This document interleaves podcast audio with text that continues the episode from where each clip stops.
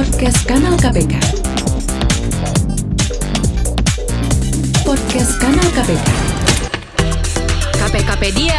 KPKpedia. KPKpedia. KPKpedia. KPKpedia. Hai kawan aksi, jumpa lagi di KPKpedia di podcast kanal KPK. Saat ini bersama saya Kristelina dan saya bersama dengan tamu seorang penyidik di KPK. Hmm, pasti pada pengen denger ya kawan aksi ya. Gimana sih suara penyidik seseram itu kak? Atau baik-baik saja? Bersama saya sudah hadir Mas Budi Agung Nugroho dari penyidik KPK. Iya selamat siang Mas Budi. Eh, Selamat siang. kabarnya gimana hari ini? Alhamdulillah kabar baik. Baik, Baik. baik banget. Ya baik, selalu baik lah tiap hari. Selalu baik tiap hari ya. Iya. Eh, sampai dengan akhir tahun ini sering masuk kantor apa masih tetap ada jadwal piket dan lain-lain? Eh, sebetulnya kami nggak dibagi jadwal piket sih. Cuman eh, kebetulan kalau di satgas kami tetap nangani perkara. Kemudian terutama di akhir-akhir di akhir-akhir triwulan ketiga keempat ya, Mm, kita kan nangani perkara baru. mm-mm. Kemudian juga kita langsung melakukan penahanan sehingga kita tiap hari kantor. Mm. Walaupun satgasnya tiap hari ngantor, tapi eh, anggotanya kita bagi. Nah, Mas Budi kan eh dua dua bulan terakhir deh, kayaknya KPK lagi sibuk nih kayaknya ya. Mm-mm. Eh, orang-orang bilangnya tuh banyak yang kejar setoran. Penyidiknya lagi kejar setoran, bener nggak sih? Sebenarnya bukan kejar setoran kali ya, karena kami sebetulnya diberi target eh, tiap tahun. Kebetulan target tahun ini cukup tinggi ya untuk masing-masing satgas. Kemudian juga ada kebijakan dari pimpinan membagi tiga perkara ya. Perkara yang pertama yang harus kita tangani itu perkara TPPU. Apa Itu- tuh TPPU? Orang kali kurang TPPU itu tahu. tindak pidana pencucian, uang. pencucian uang. Oke. Betul. Nah, itu yang pertama. Jadi setiap satgas diberikan eh, target satu tahun 2020 ini itu Mhm. satu perkara TPPU. Kemudian perkara yang selanjutnya itu cash building. Hmm. Cash building itu seperti penanganan perkara yang mengakibatkan kerugian keuangan negara, Mm-mm. kemudian juga yang terkait dengan korporasi Hmm. itu kami ditarget tiga perkara. Kemudian di ada ada namanya carry over perkara-perkara yang tahun kemarin dan tahun sebelumnya belum selesai harus diselesaikan tahun ini. Mm-mm. Itu juga ada tiga perkara. Jadi total satu satgas itu eh, harus menyelesaikan tujuh perkara. banyak apa sedikit itu? Kan kalau dari angka kayaknya ih dikit amat sih. gitu. Dikit amat ya. Mm-mm. Oke. Eh, kalau dibandingkan dengan target tahun sebelumnya, tahun sebelumnya itu kita targetnya empat. Kalau nggak salah satu satgas itu targetnya empat. Mm. Targetnya empat perkara kemudian targetnya dari empat perkara itu masing-masing perkara harus bisa minimal menyita satu perkaranya satu miliar Mm. kemudian nah kalau kita bandingkan dengan tahun sebelumnya ini cukup tinggi Bertambah. sebetulnya Mm, bertambah mm. kemudian kalau di kalau dihitung secara eh, apa ya nominal kok tujuh ya tujuh itu kelihatannya memang sedikit tapi dengan anggota satgas yang cuma empat orang itu Oh. eh, lumayan sebetulnya jadinya lumayan itu Eh, kalau dibagi empat aja satu satu empat orang dibagi tujuh itu berarti masing-masing kira-kira kebagian satu setengah perkara Iya, hampir dua ya. gitu ya nah kemudian kalau kita pakai hitung-hitungan penanganan perkara itu kita pakai hitung-hitungan waktu aja ya Mm-mm. Misalnya dilakukan penahanan maksimal penahanan itu 120 hari Mm-mm. Berarti kalau kita bagi 120 hari dibagi satu tahun, misalnya satu tahun bagi 120 hari, berarti kan satu tahun itu mungkin jatahnya cuma tiga kali, tiga tiga orang, Mm-mm. gitu kali ya hitungannya ya. Berarti kalau kita nahan tujuh orang, berarti tujuh kali 120 hari, Mm. itu kira-kira. Mm-mm. Nah, mungkin kalau hitung-hitungan bebannya ya kayak gitulah. Oke, berarti eh, nggak mudah juga, nggak sulit-sulit juga dong berarti. Ya agak sulit sih pakai perba pakai apa ukuran berat atau ringan ya. Hmm. Tergantung kasusnya. Pertama tergantung kasusnya, Hmm. kemudian juga yang kedua tergantung seberapa mudah kita mendapatkan alat bukti sebetulnya. Oh, Oke. Seberapa mudah kita dapat alat bukti itu pertama dari keterangan saksi. Hmm. Kalau kita dapat saksi yang kooperatif, oh itu enak banget itu. Hmm. Itu enak banget. Tapi Bisa apakah semua saksi kooperatif? dari pengalaman saya eh ya 50-50 lah. Hmm. 50-50 dan kita bisa profiling ya saksi yang non yang nggak kooperatif yang nggak kooperatif itu gimana tapi selalu saja ada saksi yang kooperatif tetapi eh, alhamdulillah ya kadang-kadang cuma satu Hmm. kooperatif itu sudah cukup kalau Hmm. eh, buat kami gitu Hmm, hmm, hmm, tapi selalu ada saja saksi yang kooperatif hmm. Nah tadi kita udah ngomongin soal profiling, alat buktinya, pencarian alat bukti. Jadi sebenarnya pekerjaan penyidik KPK itu apa sih? pekerjaan penyidik KPK itu sebetulnya kalau menurut KUHAP ya penyidik itu melakukan penyidikan gitu Hmm. kalau menurut KUHAP penyidikan itu menemukan tersangka sebetulnya Hmm. Cuma kan karena di KPK itu undang-undangnya khusus, Hmm. undang-undangnya khusus, eh, alat bukti itu ditemukan pada saat proses penyelidikan, maka eh, di proses penyidikan itu hanya melengkapi alat bukti saja. Oh, Karena sudah eh, dilakukan di tahap penyelidikan gitu. sebetulnya kita hanya menyempurnakan penyidik penyelidikan. Karena di penyelidikan itu minimal dua alat bukti, maka di proses penyidikan kami menyempurnakan. Hmm. Itu menyempurnakan kemudian eh, menjadikan semua apa ya kita dengan upaya paksa gitu ya dengan pemeriksaan pemanggilan kemudian Hmm. penyitaan dan seterusnya eh, dengan proses pro justisia yang dilakukan di penyidikan ya kita sebetulnya pada dasarnya yang melengkapi alat bukti tugas penyidikan itu Hmm. gitu Eh, sudah berapa lama jadi penyidik KPK dan kalau boleh tahu sebelumnya sebagai apa ya pekerjaannya? Saya itu mendapat SK sebagai pegawai KPK tanggal 2 Januari 2007 Sudah tiga, Sekitar- hampir 14 tahun ya. 14 tahun ya, Uh-uh. tahun depan 14 tahun. Mm-mm. Nah, sebelumnya saya saya itu daftar di dari PTIK waktu itu. PTIK di, dijelaskan? Mas PTIK itu Perguruan Tinggi Ilmu? Kepolisian. Ilmu kepolisian, oke. Pada waktu itu saya saya sedang eh, masih kuliah di PTIK, ada penawaran dari eh, SDM KPK. Kemudian eh, ada kesempatan mendaftar, saya daftar. Hmm. Jadi latar belakang saya sebelumnya adalah eh, anggota kepolisian. Oh. Saya lulus Akpol tahun 99. Mm-mm. Kemudian di kurun waktu dari 9, 9 sampai 2007 itu saya pernah sekitar tiga tahun jadi Kapolsek di dua tempat yang berbeda. Mm. Kemudian menjadi sekitar satu tahun menjadi Kasat Res Reserse Kriminal di Hmm. dua Polres yang berbeda. Hmm, berarti Itu latar emang sudah saya. dari dulu ya menyidik ya. sudah punya kemampuan menyidik sebelum masuk eh, di KPK. Ya sebetulnya latar belakang saya kebetulan Reserse Kriminal. Hmm. Kemudian pendidikan kejuruan, pendidikan kejuruan saya itu adalah tindak pidana korupsi. Oh, oke. Kenapa tertarik eh, menjadi akhirnya apa di KPK, menjadi penyidik di KPK? Ya sebetulnya sih ada ceritanya sih sebetulnya. Pada Hmm. saat eh, saya sedang eh, pendidikan kejuruan, ada salah satu eh, tenaga pengajar. Mm-mm. Kebetulan beliau mengajar tentang undang-undang kalau undang-undang tipikor, undang-undang KPK kalau nggak salah. Hmm. Nah, justru dari beliau lah eh, saya terinspirasi gitu.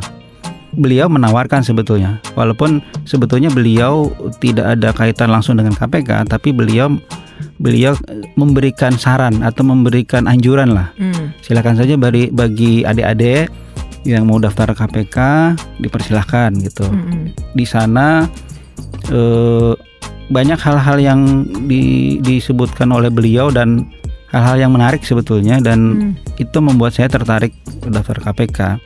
Saya ikut pendidikan kejuruan tindak pidana korupsi itu tahun 2003. 2003. Hmm. 2003. Saya baru daftar KPK ketika PTIK tahun 2006 waktu itu daftarnya akhir 2006. Hmm.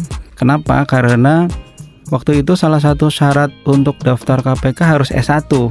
Oh. Nah, sementara saya kan waktu itu antara 2003 sampai 2005 saya belum S1. Saya S1-nya di PTIK. Hmm, hmm, hmm. Nah, sebenarnya dari situ sih awalnya yang men-trigger saya daftar di di KPK gitu. Hmm. Karena sebetulnya di daerah sendiri itu informasi tentang KPK masih minim waktu itu ya. Oh. Dari tahun 2005, 2003 sampai 2006 itu masih minim Mas informasi Budi tentang di daerah KPK. mana? Waktu tahu informasi? Di Kalimantan Selatan. Oh jauh ya, jauh. Oke. Lumayan. Mm, mm. Nah, eh, terus se- yang kita tahu eh, Mas Budi tahun berapa gitu eh, saat ini statusnya sudah menjadi pegawai KPK ya, bukan Pegawai tetap. pegawai yang dipekerjakan pegawai tetap. Sejak Iya. tahun berapa tuh? Se- pegawai tetap itu sejak 2012 kalau tidak salah. Itu dengan S surat keputusan pimpinan KPK. Hmm. Nah, dengan dasar surat keputusan pimpinan KPK tersebut, pimpinan KPK mengajukan kepada Kapolri eh, untuk mengusulkan pemberhentian dengan hormat dari anggota kepolisian. Hmm. Dan kami baru mendapatkan ya beberapa dari kami yang mengajukan eh, pensiun dini waktu itu baru mendapatkan SK pensiun dari Kapolri itu tahun 2014 kalau tidak salah. Hmm. Jadi sebenarnya full, secara full menjadi eh, pegawai tetap KPK itu ya 2014. 2014, 2007 masuk dengan status masih eh, pegawai di kepolisian, lalu Betul. 2014 jadi pegawai di KPK, pegawai tetap di KPK ya. Tetap. Nah, waktu pertama kali di KPK kasus apa yang ditangani? Waktu tahun 2007 ya berarti ya. Oke, tahun 2007 itu seingat saya ini sebetulnya sebelum saya masuk udah udah sempat dengar nih eh, cukup ramai sebetulnya di di media ya. Eh, dana non budgeter eh, DKP waktu itu. Oh, DKP. Dana non budgeter DKP. DKP itu Departemen Kelautan dan Perikanan. Hmm. Waktu itu saya Dulu namanya sempat departemen ya, belum dulu dulu departemen dulu Iya, iya. departemen. Nah saya sempat ikut eh, terakhir-terakhir itu udah udah final sih udah eh, waktu itu kalau tidak salah saya sempat gabung untuk surat perintah penyidikan dengan tersangka dari sekjennya kalau tidak salah itu Hmm. perkara yang pertama kali saya tangani. Nah, terus eh, di awal-awal gitu sulitkah atau misalnya, uh gila nih beda nih ternyata dengan dulu waktu saya di kepolisian atau sama-sama aja kayaknya ilmunya. Pada dasarnya proses penyidikan itu sama ya. Hmm. pada dasarnya sama. Kemudian juga dari eh, apa dari kultur dari budaya kerja tahun 2007 itu kebetulan di penyidikan itu sama semua anggota Polri. Hmm. Jadi sebenarnya kita punya eh, budaya kerja yang sama Oh. gitu loh. Sehingga hampir nggak ada hambatan ya Hmm. sebetulnya, hampir nggak Hmm. ada hambatan. Eh, kerja lembur itu ya memang sama aja hmm, hmm, hmm, hmm. kebetulan saya bergabung dengan Satgas. Satgas saya itu eh, hampir semuanya, hampir semuanya pulang itu bisa jam 11 malam, Hmm. jam satu malam gitu. Jadi saya ngikuti ritmenya Oh, sebagai waktu itu sebagai pendatang baru, sebagai newbie, junior lah sebagai ya, junior. ya saya harus menyesuaikan. Iya, iya, iya.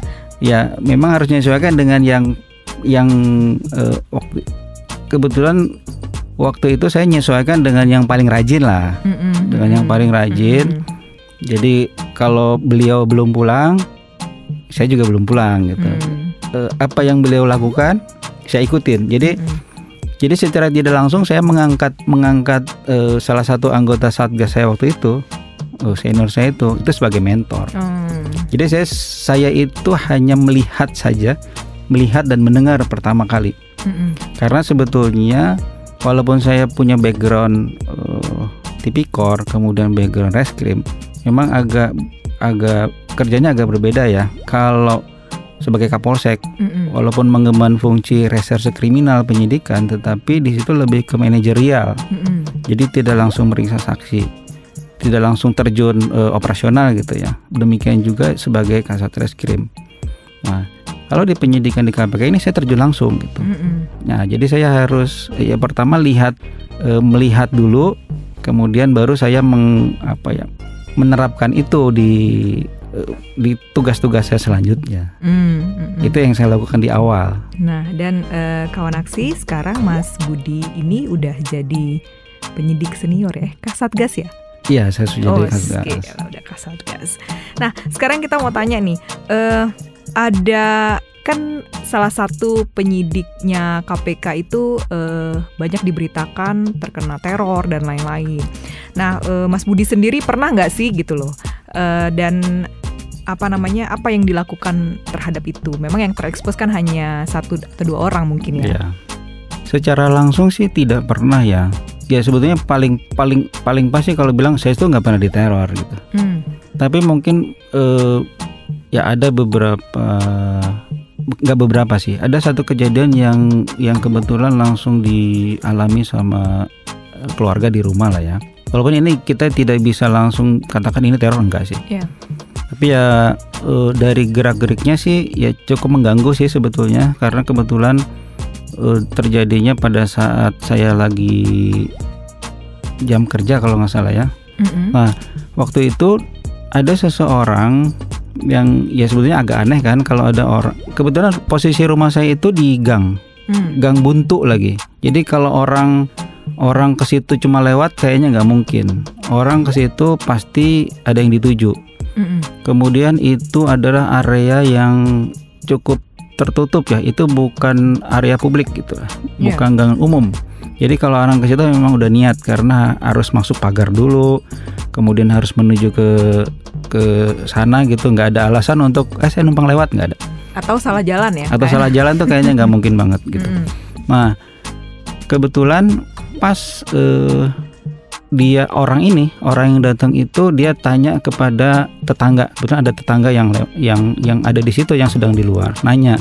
Nah, obrolan itu didengar sama istri saya di dalam rumah, Mm-mm. diintip lah. Nah, pada saat ngintip itu terdengarlah eh, si orang ini orangnya pakai helm. Jadi pada saat Hmm. itu dia masih pakai helm, nanya ke tetangga tetangga saya itu nanya, "Pak, ada nyari siapa?" gitu. Nah, kemudian si orang ini, orang ini laki-laki. Dia tanya ke eh, tetangga saya itu, "Eh, bener nggak ini rumahnya saya lupa waktu itu dia bilang AKBP atau kompol ya. Jadi Hmm. AKBP itu adalah pangkat salah satu pangkat di rank pangkat di kepolisian ya. Mm-mm. Saya lupa dia ngomongnya AKBP atau kompol ya. Eh, bener nggak ini rumahnya kompol Budi ya? Terus si tetangga saya bilang, oh iya betul. Nah, Mm-mm. Kemudian masih kelihatan sama istri saya ngangkat telepon, bos, betul ini rumahnya. Oke. Habis itu udah selesai. Hmm. Dia kemudian balik. Ya memang nggak sempet teridentifikasi sih. Eh, Nggak sempet juga kita eh, nyari tahu dia ke sana pakai Iya. apa, kemudian plat nomornya berapa. Tapi ya setelah kejadian itu ya memang saya agak khawatir. Mm-mm. Kemudian ya sempet sempet ngungsi lah beberapa minggu di situ kan. Oh. Itu kejadian sekitar 2016 deh kalau nggak salah. Nah, setelah itu kemudian di akhir 2017 saya ingat dapat informasi dari Bang Novel waktu itu. Bang Novel lagi masih di Singapura.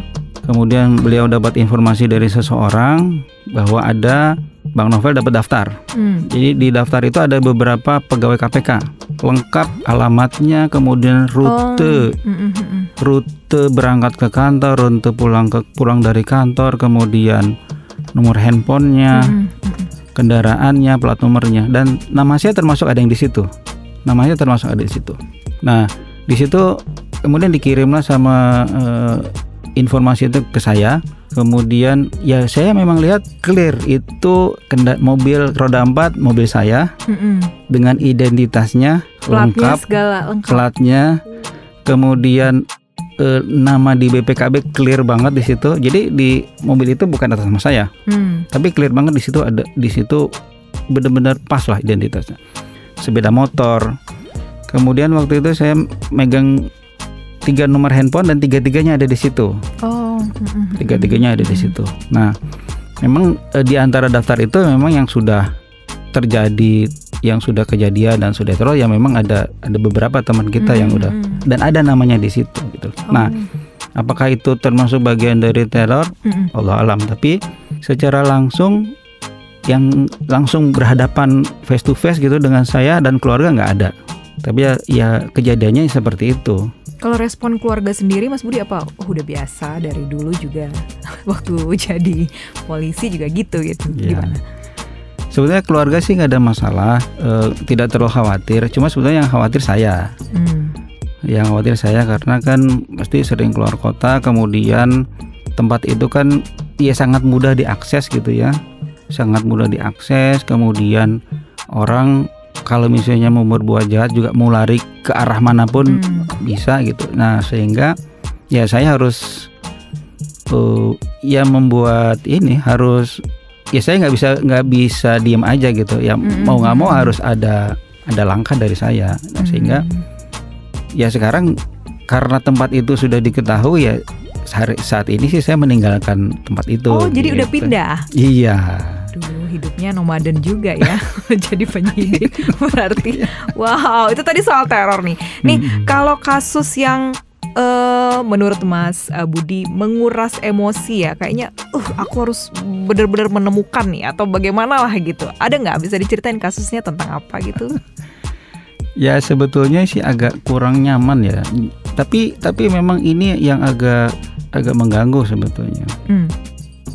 Ini rangkaian dari eh, penanganan perkara waktu itu kepala SKK Migas. Mm-mm.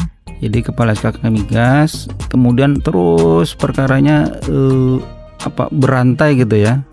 Berefek dari kepala SKK Migas kemudian tersangkanya eh, bertambah ke Sek- Sekjen Kementerian ESDM, kemudian juga merembet ke Menteri ESDM-nya, Hmm. kemudian juga ke anggota Komisi 7 waktu itu. Nah, yang memang agak bikin emosi itu ya sebenarnya nggak emosi juga sih biasa aja sih. Bagian apakah itu? Nah, jadi ya dengan yang terakhir tadi yang saya sebut dia anggota Komisi 7, kemudian dia ketika kita melakukan pemeriksaan yang ngobrol kayak gini lah di Mm-mm. ruang pemeriksaan biasa aja sebetulnya. Kemudian juga dia tidak terlalu beliau beliau ya responnya biasa lah. Mm-mm. Kemudian ada hal-hal yang mungkin beliau tidak ada perbedaan perbedaan sisi ya dari sisi penyidik dan dari sisi eh, waktu itu sebagai saksi ya Mm-mm. ada perbedaan wajar lah. Nah kemudian yang agak kurang pasnya adalah ketika dia di di publik itu mengatakan hal yang sebaliknya gitu Hmm. seolah-olah beliau sudah menginformasikan informasi yang valid tentang perbuatan seseorang padahal pada waktu itu dia sendiri tentang perbuatan dia dia dia nolak gitu. Hmm. Nah, kemudian di luar dia mengatakan bahwa saya sudah cerita semua ke penyidik gitu. Tinggal silakan aja penyidik tindak lanjut padahal Hmm. di dalam tidak mengatakan apa-apa gitu loh. Itu bisa di sebenarnya bisa dicek di BAP yang Hmm. yang eh, kami buat gitu. Nah, kemudian dari situ dari situ eh apa ya? Eskalasinya meningkat sih. Meningkatnya apa? Mulailah eh, beliau itu ngajukan pra peradilan misalnya waktu di Oh, waktu hmm, hmm. dijadikan tersangka.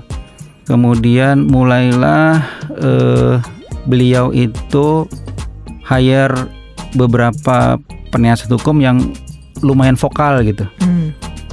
Nah, kemudian dikait-kaitkanlah dengan yang kami rombongan kami resign dari Oh, eh, ah. kepolisian mengajukan Ah, mm-mm. mengajukan pengunduran diri dari kepolisian. Dan di situlah mulai mengatakan bahwa eh, saya dan teman-teman adalah penyidik bodong gitu ya. Hmm. Saya diperiksa oleh penyidik yang eh, tidak sah. Itu narasi yang selalu dimunculkan. Dari situ sebetulnya eh, yang nggak nyamannya ya, walaupun ya biasa aja sih sebetulnya karena karena sebetulnya eh, kan eh, kondisi itu juga sudah diuji oleh balik itu di, di MK maupun di beberapa pra peradilan kan Hmm. bahwa status penyidik yang pensiunan dari kepolisian itu ya tetap sah gitu. Ya. hmm, hmm. Kemudian juga eh, dari situ sebetulnya dari si beliaunya ini sebenarnya udah selesai. Beliaunya sendiri udah selesai udah. Walaupun beliau tidak menerima dijadikan tersangka, tapi ya prosesnya sudah selesai dan beliau sudah sudah inkrah kan. Hmm. Tapi kemudian masih ada lagi manuver dari yang tadi yang dan dari eh, beberapa penasihat hukum yang vokalnya tadi Mhm. sampai-sampai saya eh, dituduh saya lupa ya. Kalau tidak salah salah satu penasihat hukumnya itu sedang ada perkara, Oh. hmm. ada perkara kemudian eh, dieksekusi, Hmm. dieksekusi oleh kejaksaan kalau tidak salah, oleh jaksa. Kemudian dibuatlah narasi seolah-olah saya ikut serta di situ pada saat eksekusi. Itu emang Hmm. eh, ya sebetulnya cukup aneh ya cukup aneh kok orang bisa bisa bisa membuat apa ya skenario kayak gitu gitu sebetulnya saya pernah ketemu juga di waktu itu di di kantor lama Mm-mm. di kantor lama gitu kita ruang ruangan kita itu ruang pemeriksaan itu masih bisa interaksi antara Mm. saksi tersangka Ya. penasihat hukum itu masih Mm-mm. satu ruangan gitu kita masih bi- satu satu toilet bareng-bareng kemudian ruang tunggu sholat bisa bareng-bareng. Nah, di situ sebenarnya saya beberapa kali papasan dengan dengan dengan yang bersangkutan ya, dengan dengan penas, salah satu penasihat hukumnya eh, si beliau ini. Tapi kelihatannya dia nggak kenal sama saya gitu. Tapi melakukan berbagai manuver ya. Nah, itu. Tapi dia nggak kenal. Ya sebenarnya kalau bagi saya sih nggak ada masalah dan sampai saat ini juga ya landai-landai aja gitu. Mm-mm, mm-mm. Tapi berbagai macam cara dilakukan ya ininya ya. Gitu dan Nah. alhamdulillah ya sampai saat ini saya masih sebagai penyidik. Iya. Jadi kasat gas lagi ya.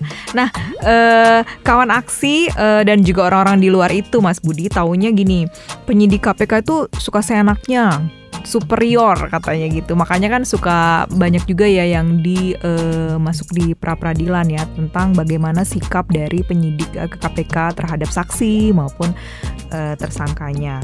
Nah, eh, sebenarnya gimana sih eh, Mas Budi penyidik di KPK itu? Gitu nggak sih gitu loh? Tadi sebenarnya salah satunya Mas Budi bilang eh, dengan berbagai cara nih mau bikin saksi itu ngomong gitu-gitu. Apakah emang seseram itu di ruang penyidikan?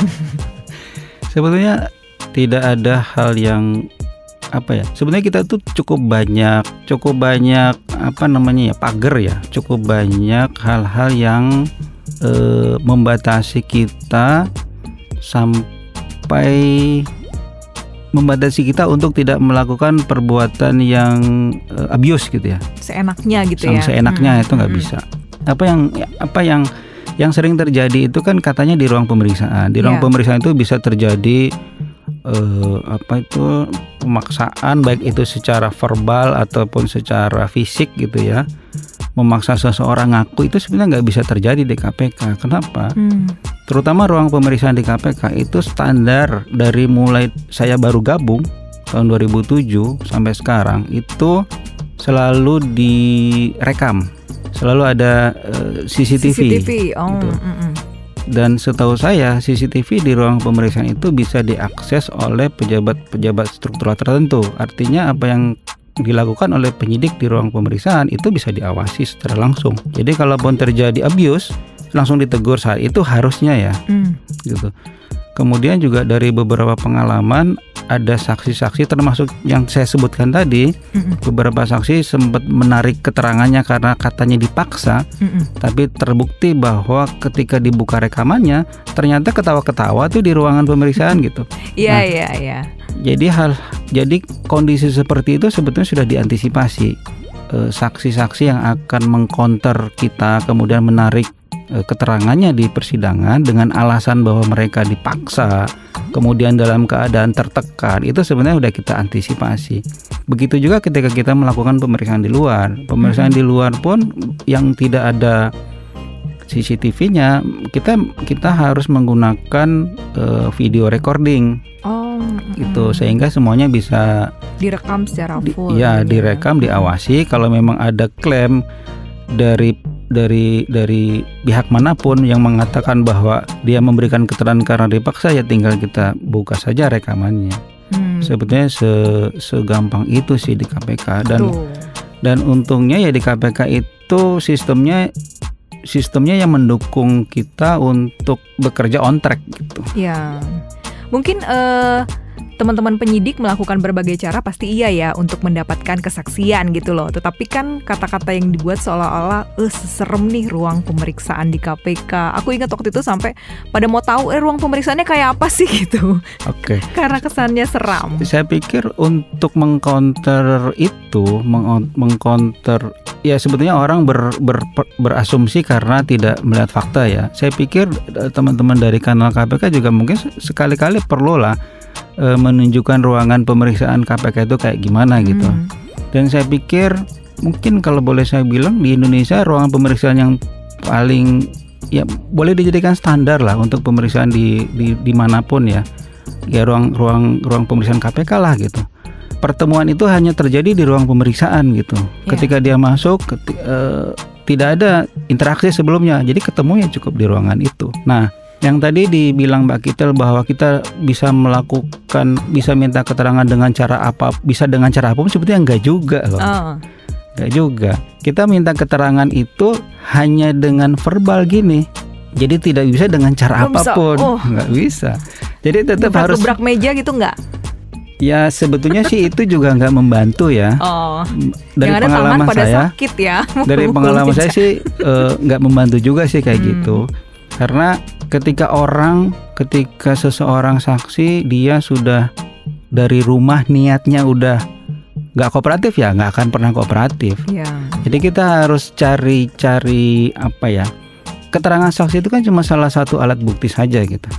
Cuma salah satu alat bukti dan keterangan saksi itu sebetulnya keterangan yang paling rentan. Kenapa? Dia bisa berubah. Ya. Ketika dia di proses penyelidikan dia kooperatif, kemudian di penyidikan kemudian dia berbalik arah bisa. Mm-mm.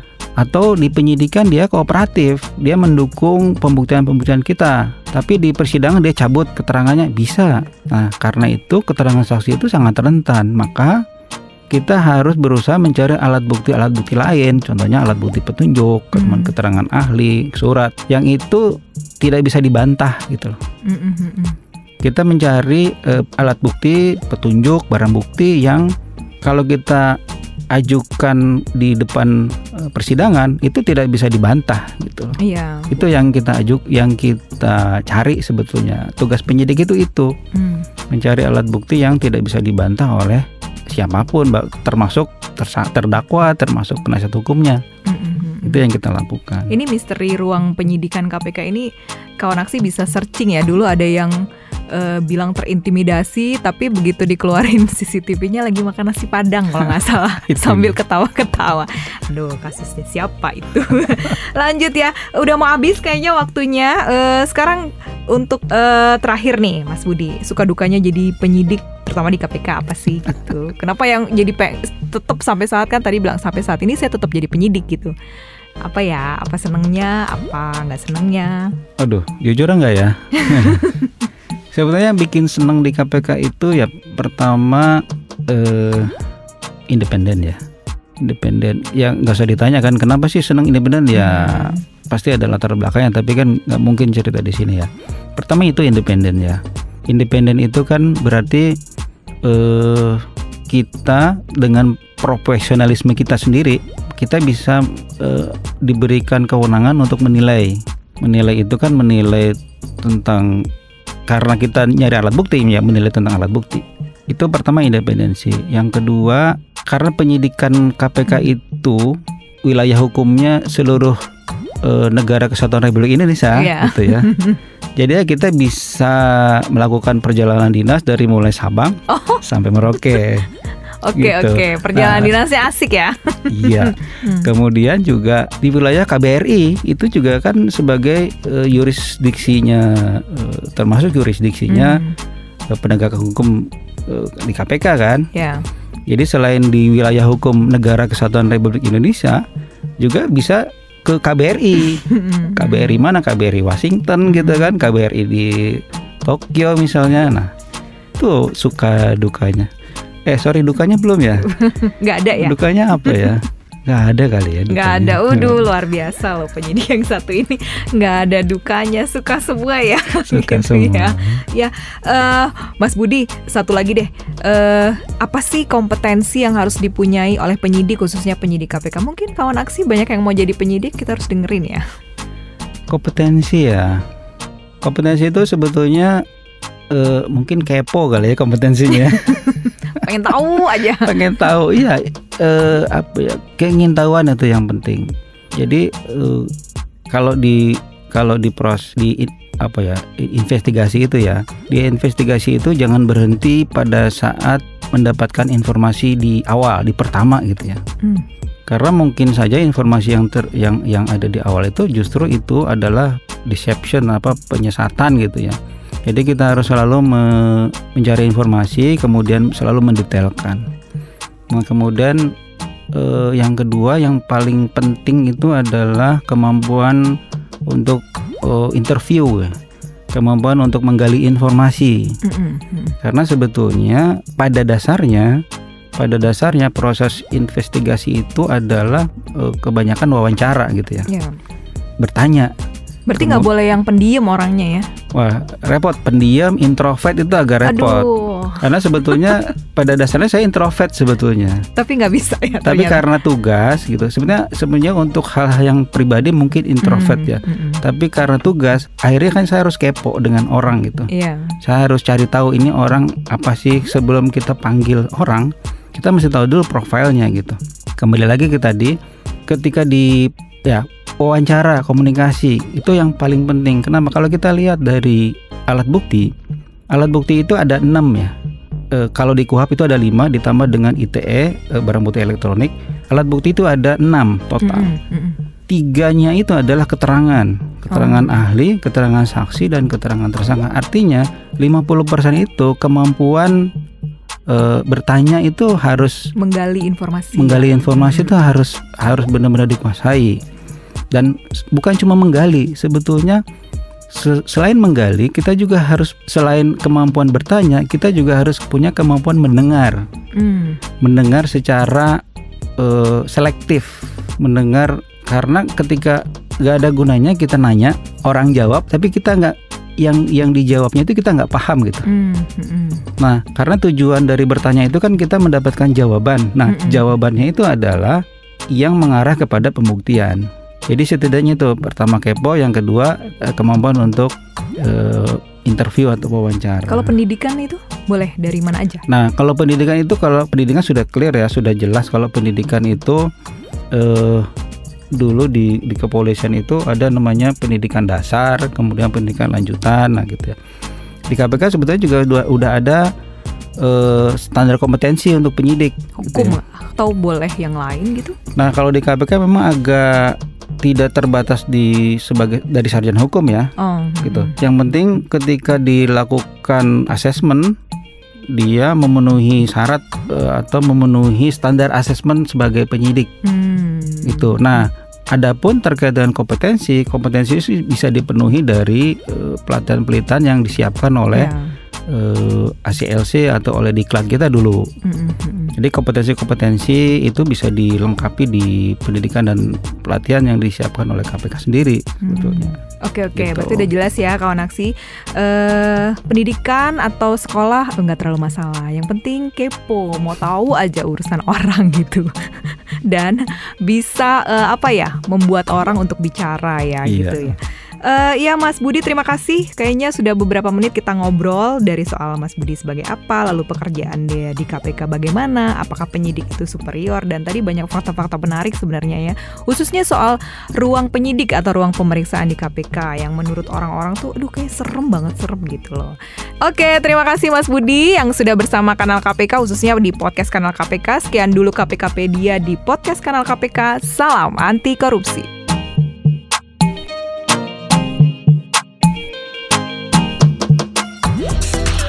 KPKpedia. KPKpedia. KPKpedia. KPKpedia. KPKpedia. Podcast Kanal KPK. Podcast Kanal KPK.